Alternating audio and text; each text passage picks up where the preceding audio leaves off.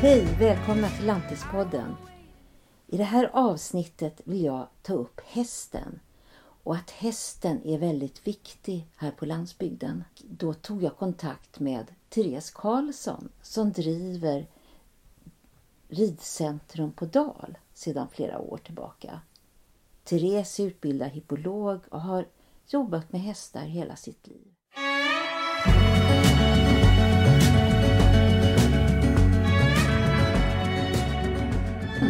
Och idag, denna regniga dag, sitter jag med Therese. Eh, och Therese Karlsson är... Du är väl en lantis? Ja, det kan man nog eh, tycka att jag är, är nog en lantis. Man det har ju alltid bott på landsbygden Det och, och på du. små orter. Ja. Var, var, var är du född någonstans? Eh, I Dalslånget. Hon har... Har inte du hållit på med hästar hela ditt liv? Jo, Det det jag. har jag.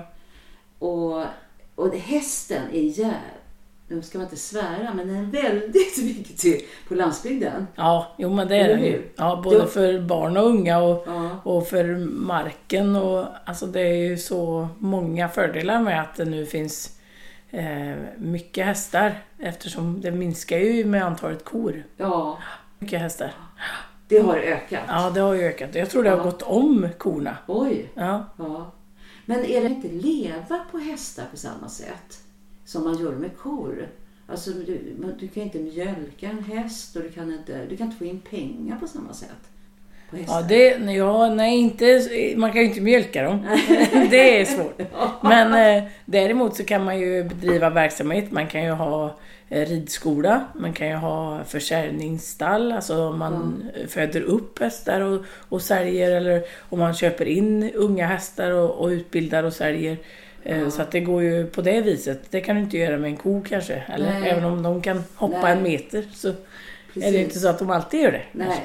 Så det är en annan typ av, eh, ja, Inkomstkälla, ja. exakt. Ja, det är det. Och du har startat, för vi sitter här i ett jättefint klubbrum? Ja. På din gård. Mm. Kan inte du berätta vad gården heter där vi sitter? Eh, Torpödegården. Jaha. Ja. Och, och här eh, flyttade vi, vi köpte den 2003.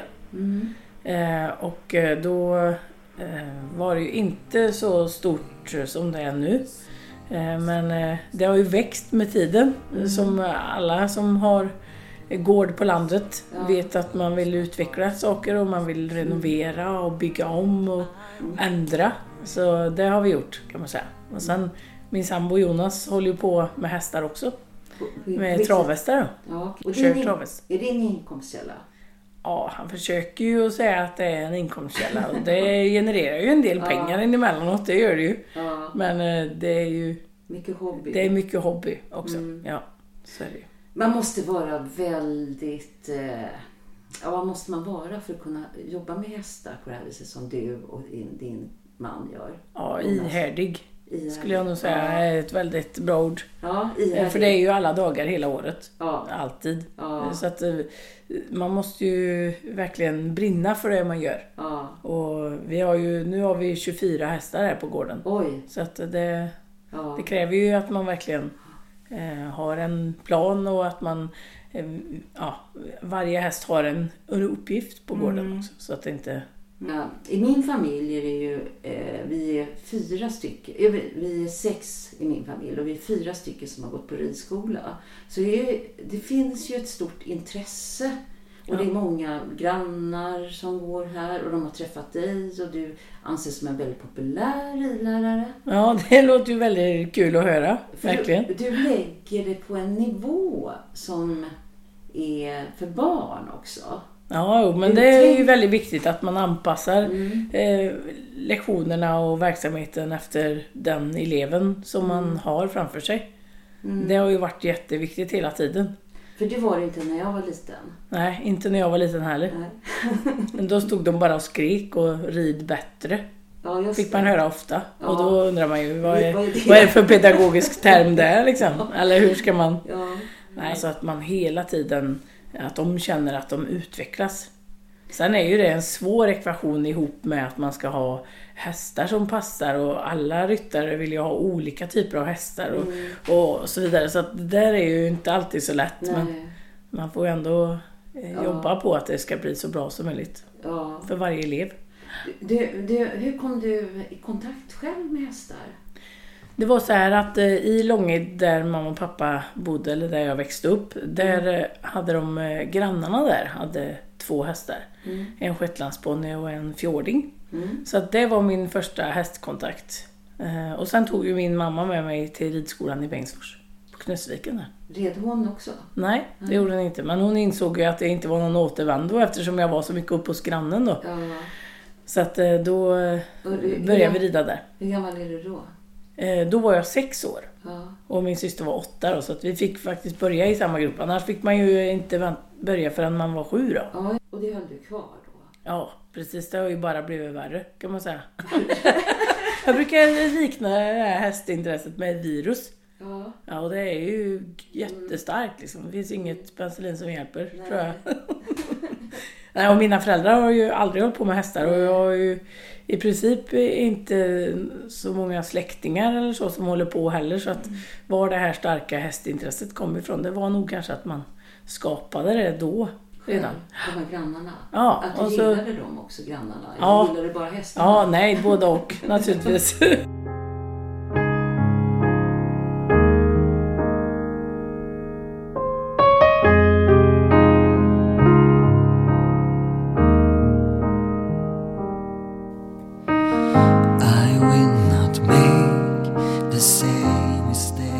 finns en del människor som har någon, någon... Man pratar om intelligenser. Och det finns en intelligens som har att göra med en känslighet för djur och hur djur tänker och känner. Och, du- och, och jag har upplevt att du har den känsligheten. När vi, eh, du har hjälpt mig med en svår häst. Mm. Och du känner av väldigt mycket. Du ser, det är som du har ögonen i nacken. Ibland blir det nästan jobbigt när Ja. jag ser så mycket. Ja, ja, just det.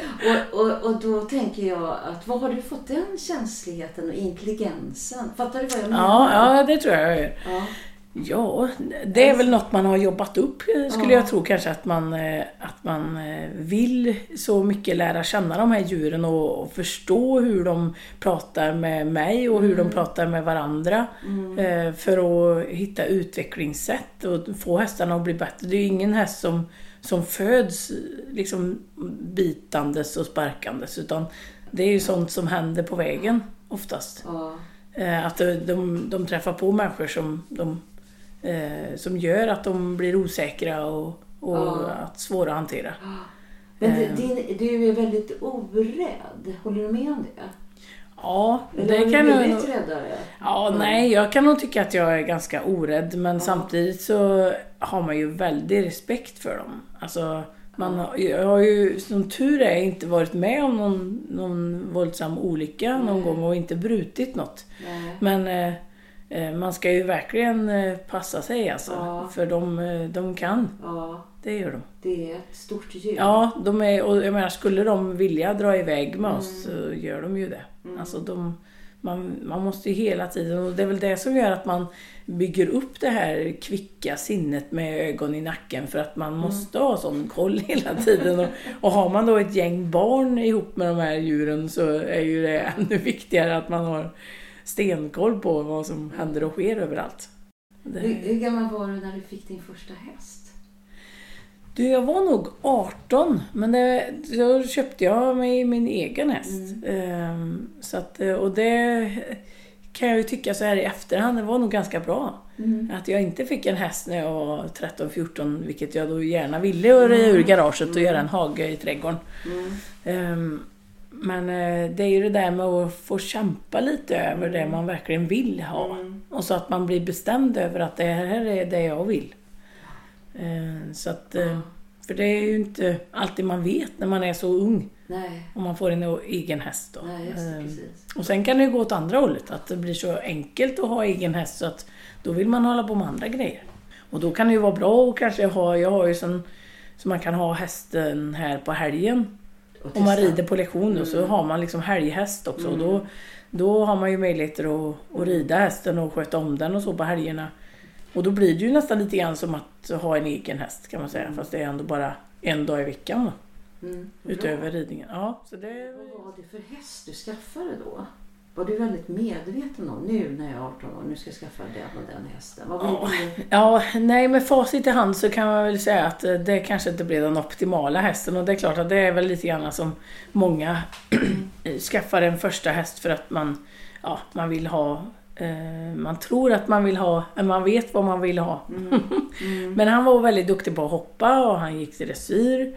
Ehm, och ja, det, han lärde mig väldigt mycket bra saker också. Ehm, så att, och han lärde mig framförallt att veta vad jag inte ville ha. Mm. Ehm, så att Mm. De nästa egen- häst... De egenskaper som var jobbiga Ja, nej, precis. Ja, De, ja. det vill jag inte. Mm. Nej, han var ju väldigt jobbig att rida ut på till exempel. Och, eh, han Vad hände hade, då? Ja, då ville han resa sig och vända och gå hem och ja, hålla på. Men Mm. han, han lärde sig till slut att jag var envisare än han så att det var lika bra att gå. Ändå? Ja. Det var det Precis. då? Ja, det var lite jobb där. Men eh, ja, man, man blir ju tålmodig. Mm. Eh, och det kan jag väl säga att eh, det finns ju inget som jag är så tålmodig med som, som hästar och barn. Det är liksom, de måste man vara tålmodig med för de, Mm. de brinner ju för det. Mm. Och har ju oftast tusen frågor. Hästarna frågar oss ju saker också även om de inte står mitt framför en och, och liksom pratar rakt Ja. ut så, så frågar de ju ändå saker. Vad ska vi göra nu och hur ska vi göra nu och vad händer där och, och, och, och så vidare. Så att hästarna frågar ju oss massa saker också.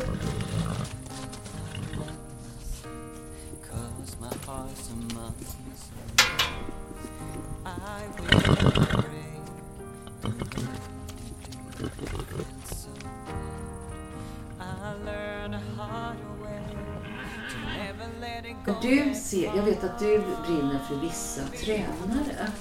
Alltså, eh, vissa, alltså man behöver handledning och vägledning och det säger du att du också behöver, har du sagt till mig tidigare Ja, och så för inspiration till att Ja, eh, inspiration. leda alla. Det är Ja. jätteviktigt. Ja.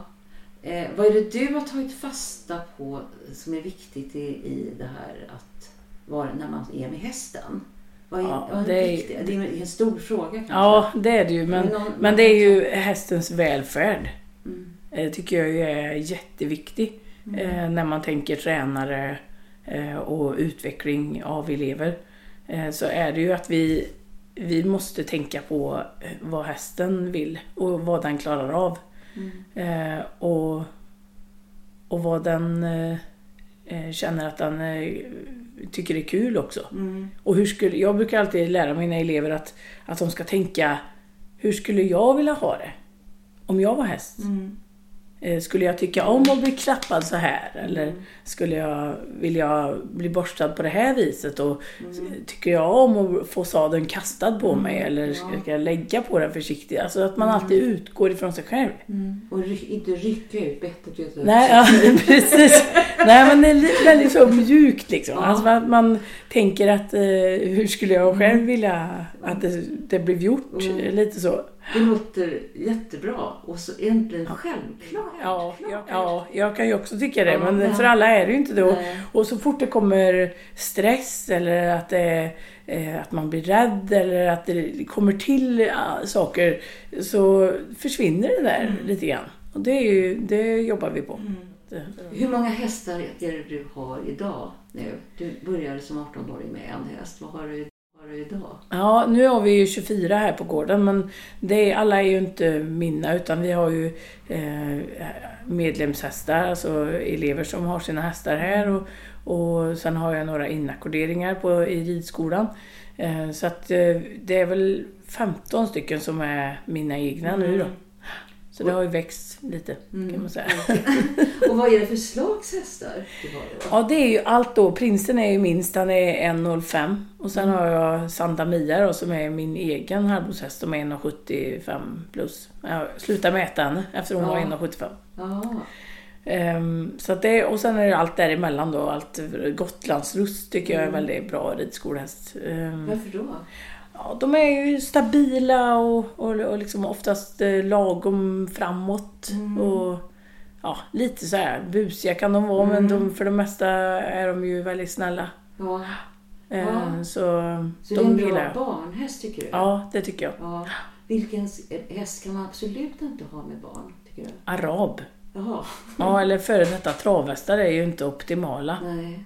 Eh, Vad är till det då som inte är så bra? De är ju avlade för att springa fort. Mm. Och, och är man då ett barn och ska ha en 1,60-1,65 travhäst liksom, som är Mm. avlad för att springa fort.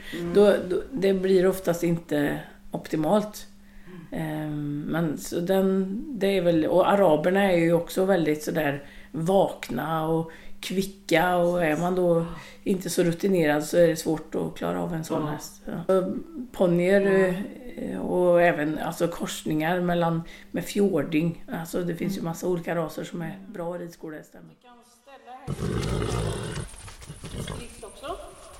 Och att man i slutet på långsidan, att man leder lite grann till höger i vänster. Korta sidan och lite mer. Och så driv lite växelvis Agnes, kommer du ihåg?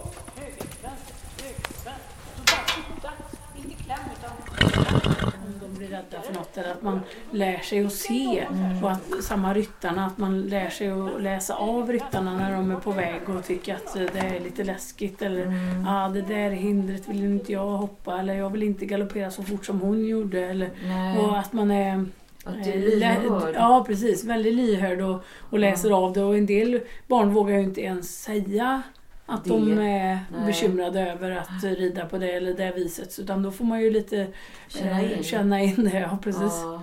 Vad, vad du, eh, det måste du ha utvecklat väldigt väl, just det där att känna in och se. Ja, men det är ju något som man inte... Det, det kommer ju med erfarenhet. Mm. När man tänker på det.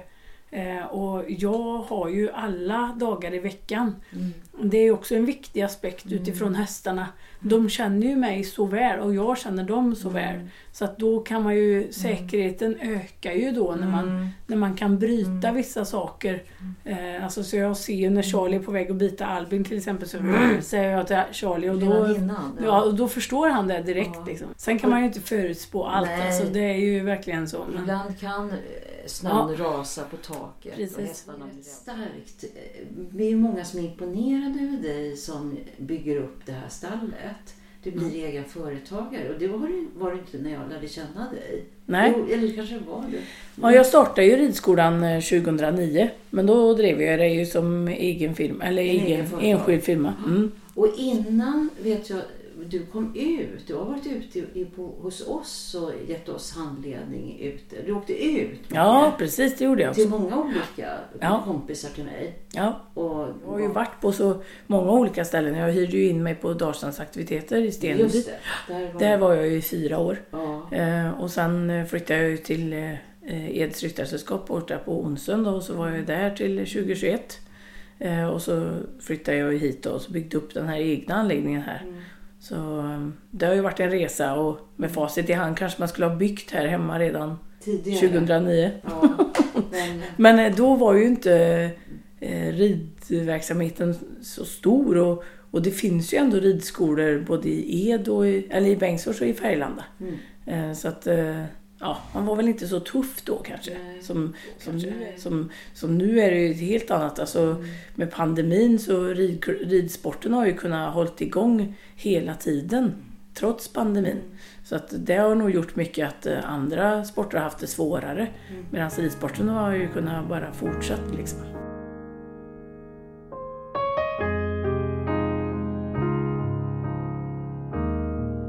men vad är det du tycker är roligast med allt det här du håller på med?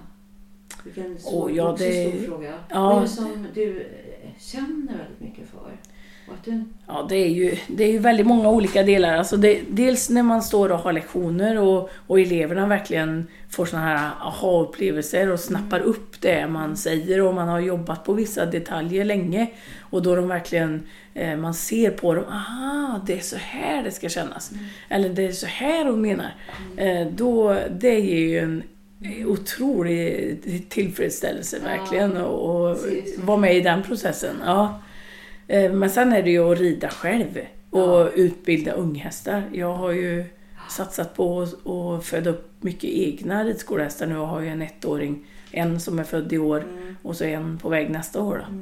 Då. Eh, Så att eh, det är ju väldigt rolig utveckling att hålla på med dem. Så det- är väl, hästar har ju lite, behöver ju tid på sig att anpassa sig till, till nya situationer och då eh, blir det så naturligt när man kan slussa in dem i verksamheten eh, lite grann tidigt då, så att de verkligen eh, får vara med och lära känna de andra hästarna och hela den biten. Då.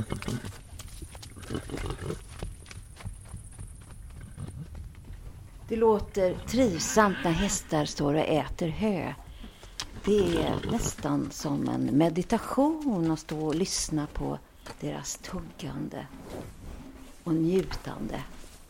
Jag har kommit ifrån klubbrummet där jag satt med Therese och nu är jag nere i hennes fina stall som hon byggt ihop med sin livskamrat Jonas på väldigt kort tid. Ett stall där 25 hästar får plats och kanske fler. Ja, nu är jag inne i Thereses stall och här träffar jag på en, en ryttare som heter, vad heter du? Åsa. Eland Ja, från Långed. ja. Va- och du har din häst här. Och, Ja, va, hur- Berra. Här är, vad heter den sa du? Berra. Berra. Ja. Och på vilket, varför har du valt den? Den är Berra lite arg här ja, jag. han gillar inte regn. Nej, nu är han genomblöt. Ja. Så, så att det, Ja, så låter han. Ja. Hej Berra. Och, och varför har Berras ägare bestämt sig att vara i det här stallet? jo, det var, vi har stått här i sex år. Mm. Eh, Jag bestämde mig för att jag ville ha helinackordering. Eh, Så att jag kunde åka ut, inte, inte behöva åka ut varje dag. Mm. Eh, Eftersom jag har fibromyalgi och sen Mm. nackskador. Så vissa dagar så är jag mycket sämre än andra. Ja, För att slippa det så Ja. flyttade jag hit. Ja, Eh, Sen har ju jag och Therese känt varandra sedan vi var små. små. För ni kommer från Långed bägge två. Precis. Ja. Och, och är det dyrt att ha sin häst inackorderad? Ja, det är det. Det, det är ju självklart att det är. Det är det. Det är det dyrt. kostar. Allt med hästar är allt, ju dyrt. allt är dyrt. Ja. Eh, Men eh, Men, men vad ligger det på? Du, vågar du säga Alltså, det? Eller du, ja, nej, men du jag, får kanske alltså, någon vänpris? Om jag tar, om jag tar genomsnitts... Jag betalar nog säkert en 5-6 tusen med allt. Alltså, Med allt. Då är det försäkring, alltså, hovs, alltså Ja. väldigt mycket då i genomsnitt kanske fem. Mm. Tycker du att här, du mår bra av det här? Din Ja. kropp mår bra Ja. av hästar? Mycket. mycket Vad är, det, vad är det som händer med dig då? Ja, alltså jag känner ju att jag kan göra på mina villkor Ja. när jag står här eh, och inte behöva ha det pressen varje dag. Ja, Eh, men sen det ger så mycket glädje, ja, eh, avkoppling. ja. Eh, alltså, ja, men det ger otroligt mycket. ja. Välmående. Vad härligt. Vilket fint. Jag håller med dig. Ja, han håller med. Oj, du, Therese, är inte hästar en stor miljöbov? Eh, Du ju inte, att... inte, Ja. inte riktigt så som kor då. Med, de utsöndrar ju inte metan på det viset. Eh, Det gör de inte. Eh, Men däremot så bajsar de ju ganska mycket. Så Väldigt att, mycket. ja. Eh, så att där hanteringen av hästgödsel måste man ju ha en plan för. Och även med beterna och, och den här resistensen mot avmaskningsmedel. Hästar har ju mask hela tiden, det har väl de flesta djur på olika sätt. Eh, Där måste man ju tänka lite med hur man har hästarna, vilka hagar och, och att man sköter hagarna. Mockar eller betesputsar eller vad man nu har möjligheter att göra. Då. Eh, Så att man minimerar eh, miljöpåverkan och eh, även det här med avmaskningsmedel. Avmaskningen Ja, också. Ja. Mm. det hänger ju ihop där Ja. kan man säga allting. Ja. Eh, Så det, Ja. det är en viktig Och del. därför är det viktigt också sen att bearbeta jorden, eller putsa ner. Ja, precis. Ja, och så att man plöjer och sår nytt Ja. eh, in emellanåt också. Det är ju inte heller fel. För då, speciellt till unghästar och föl så behövs det ju beten som är helt rena från hästar. Det är ju det bästa om de får växa upp eh, på beten som inte det har gått så mycket hästar på. Precis.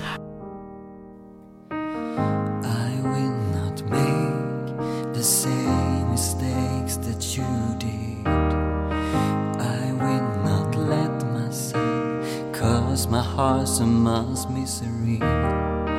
I will not break the way you did, you felt so hard. I learned a harder way to never let it go that far. Because of you I never stray too far. Var får du den, din energi för att jag tror det är ifrån eh, mina föräldrar mm. väldigt mycket. Eh, och min mamma och min mormor. Eh, de, och jag har kusiner och mostrar som är likadana. Eh, fruktansvärt drivna och håller på med så mycket grejer. Och är jätteaktiva liksom i det de gör. Så att, men de är väldigt drivna i det de gör. engagerade? Ja, och, din min mormor också? är jag ju jätteimponerad över när hon levde. Ja. Ja, Hon hon? kunde ju... Hon, det kunde ju ligga ett helt berg med blåbär liksom på bordet och bara satt hon och rensade liksom tills hon var klar. Hon bara höll på och Ja. höll på. En annan hade ju bara gått därifrån liksom. Men, och så frågade jag, vet jag frågade någon gång om hon tyckte det var roligt. Roligt? Det ska ju göras! Och det var samma med vedhögar och så hon bara mata sig själv igenom det liksom. Det som fruktansvärd drivkraft alltså. Så det- det, det jag tror att det, ja, jag tror det är det liksom. Att man bara grottar ner sig och så bara brum, så Mm. kör man. Men, men har du känt dig motarbetad? Ja, det har du ju varit i och för sig. När jag Ja, massa gånger. Massa gånger. Alltså jag, eh, jag, jag jobbar ju på ridskolan i Bengtsfors Mm. först. Eh, Och där blev det väl första motarbetningen kan Ja. man säga. I... Men det växte jag ju väldigt med Mm. den uppgiften så jag kan ju säga att eh, jag tog ju det här hårt naturligtvis när de sa upp mig i ed. Men, men eh, man känner sig ju själv ganska mycket bättre när det är eh, 20 års skillnad nästan på, på eh, gångerna som det sker. Eh, Så då, eh, det kändes ju ändå som att Mm. Det är inte mig det är fel på. Nej. Det är dem. Alltså de, Ja. de vill ju ändra och de vill ju ha sin anläggning för sig själva. Mm. Och då, Eh, då, och då, lika får jag bara... Ja, ja, och jag Och kände, olika- kände inte att vi överhuvudtaget skulle kunna Mm. bli överens. Nej, men, Så du har, har en god självkänsla. Sånt måste man ju ha då för att kunna driva. Ja, det har, jo, det har jag väl för det mesta men Ja. sen så... Det, det pendlar ju lite naturligtvis. Ja. Ja. Och, och Men, eh, intresset för hästen är starkt. Ja, hästarna är ju väldigt mycket drivkraft också. Mm.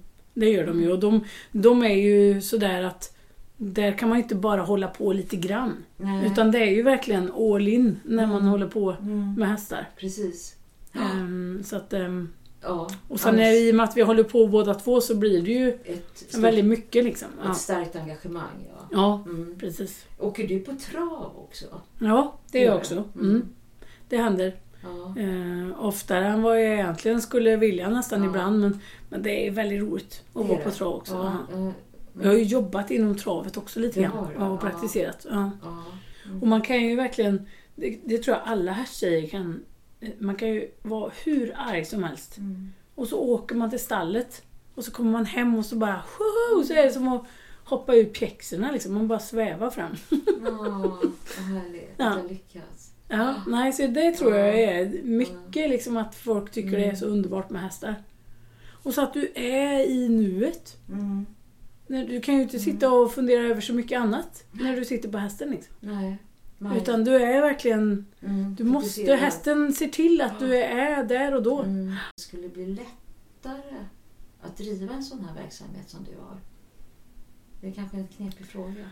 Vad skulle Ja. behövas för hästägare? Jag menar, ja, för alla, eller häst, de, hästmän. Ja, nej det är ju att man... Eh,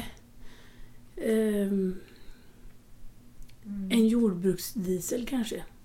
En jordbruksdiesel? Mm, Aha, som är väldigt subventionerad. okej.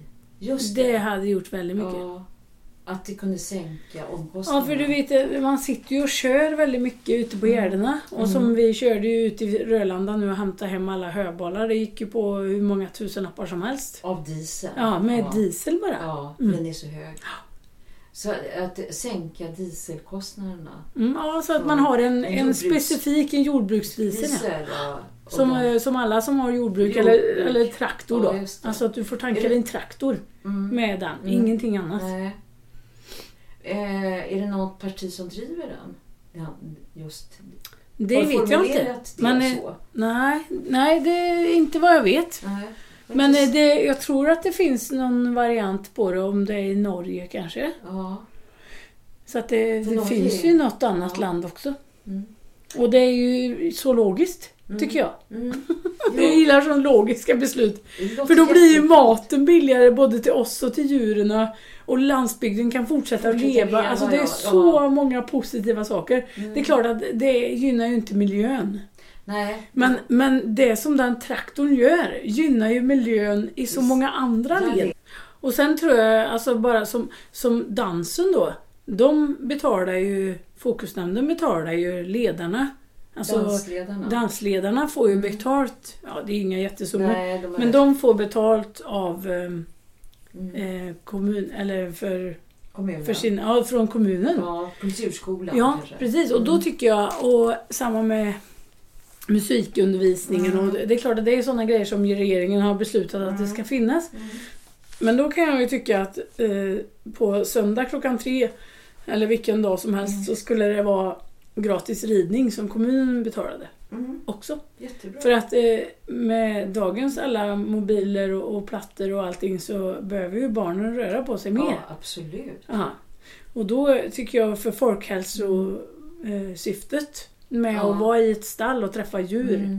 så hade ju det varit Mm. en sån eh, grej som hade gynnat. Och jag menar jag har så många Mm. såna socialt utstötta barn, Barn som, Som inte kan rida. Nej, För att det finns inga pengar. inga pengar. Nej. Och, då, och de drog, drog ju in det här Mm. bidraget från SOS nu.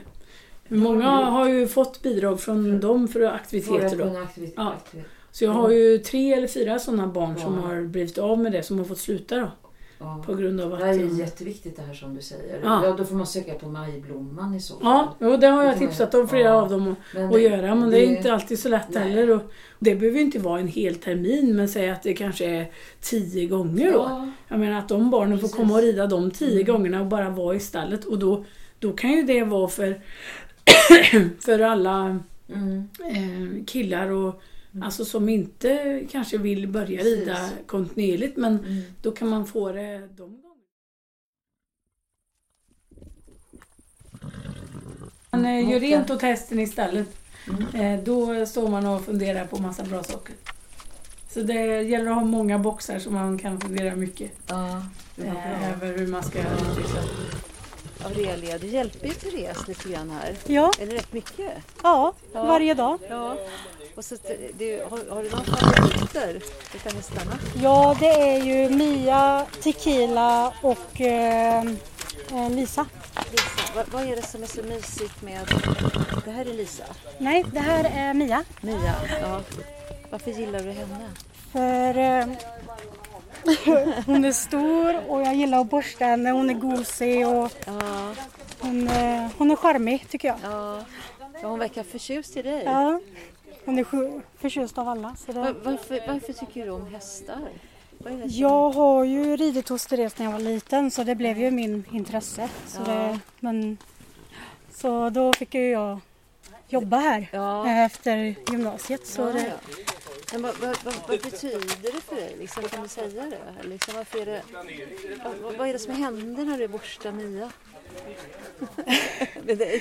Hon är, alltså, det hon, hon är underbar Det bara. var underbar. Hon, Ja. hon, är väldigt, hon gillar dig också. Ja, hon Ja. gillar alla. Så det, men när jag borstar henne så då, Men är, är, du, rider du någonting eller sköter du hästarna? eh, Jag rider ibland. Eh, Men det, är, är det, Ibland. Är det, det är inte så viktigt för dig eller? ja, men det är ju roligt. Det är Men eh, me- mest är det ju roligt att ta hand om hästar. Och, Ja, nu kommer fölet här. ja. Ja, mysigt. Vad är det med hästen? Varför är det så många som är så fascinerade och dras till hästen? Vad är det den väcker hos oss människor? Den är vår vän, den är vår tröst och den utmanar oss. Vad är det mer som händer med oss när vi är tillsammans med hästen? Och att det har blivit ett sånt jätteintresse. Det är den näst största idrotten i Sverige. Först är det fotboll och sen kommer hästsport. Men det är alltid männen som vinner i hästtävlandet och det är kvinnorna som är i stallet. Vad beror det på?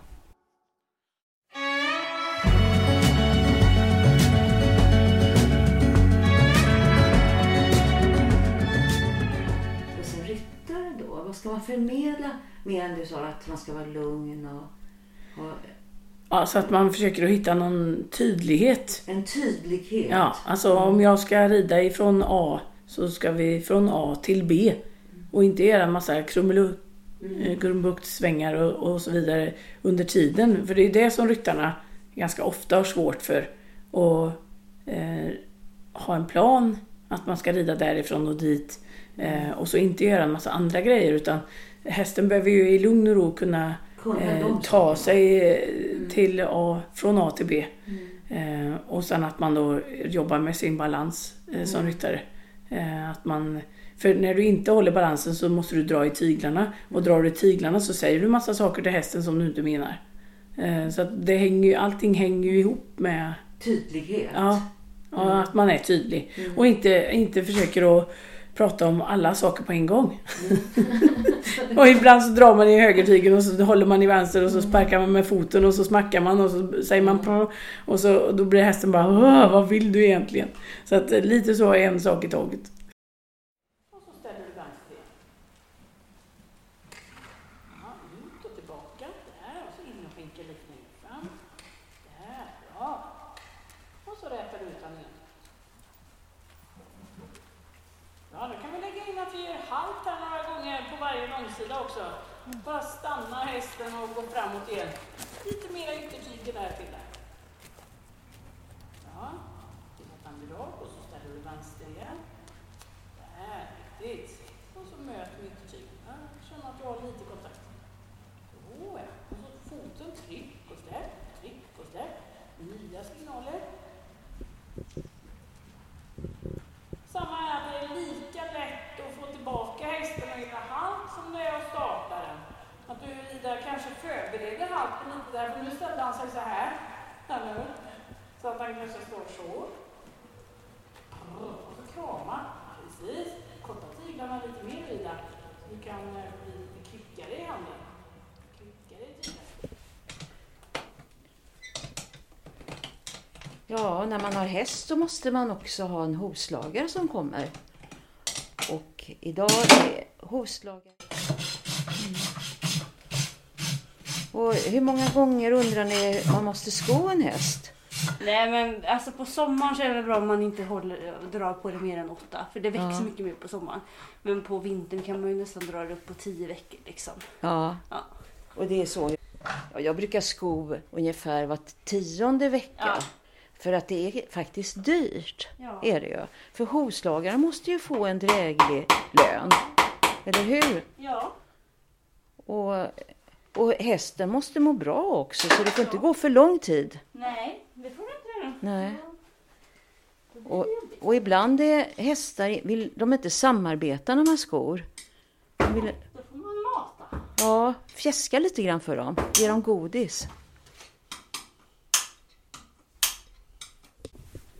Man orkar ju inte när man är hovslagare sko hur många hästar som helst. Sommaren kanske skor fem om dagen. Fem hästar om dagen sommaren. är, ma- är max. Ja. Är man- Vilka, vil, vad blir en hovslagare trött någonstans? Nu går det lätt att andas. Alla borde komma med och se hur verkligt fint det är. Här kan ju människor blandas. Både direktör och smed, arbetsgivare och tagare. Eh,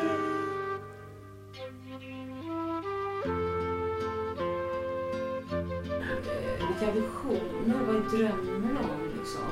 Det är att, ja, eller har du, nu är det färdigt. Så här ska det vara nu. Ja, nej, färdig tror jag aldrig att man blir faktiskt. Det tror jag inte. Eh, Men eh, visionerna är ju ja, dels eh, så här i närtid att vi får en utbana. Eh, Att vi kan få ett, ett klubbrum eller klubbhus inne i ridhuset. Som föräldrarna kan sitta när det är kallt och så. Tror jag hade varit väldigt uppskattat.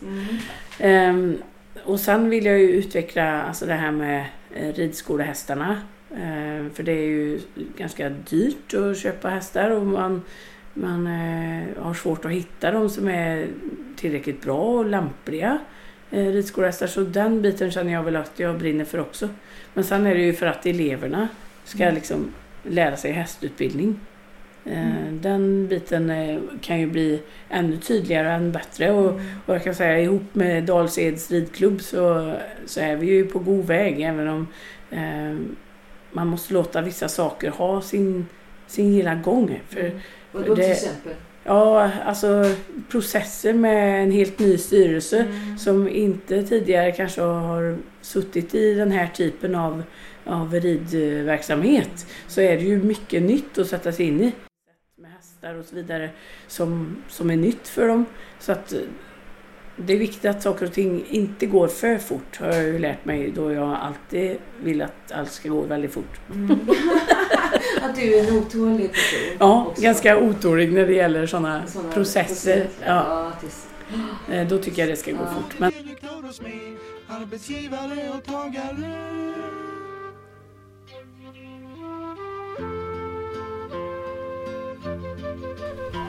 Ja, nu lämnar vi Therese Karlsson på Torpödegården i Ed.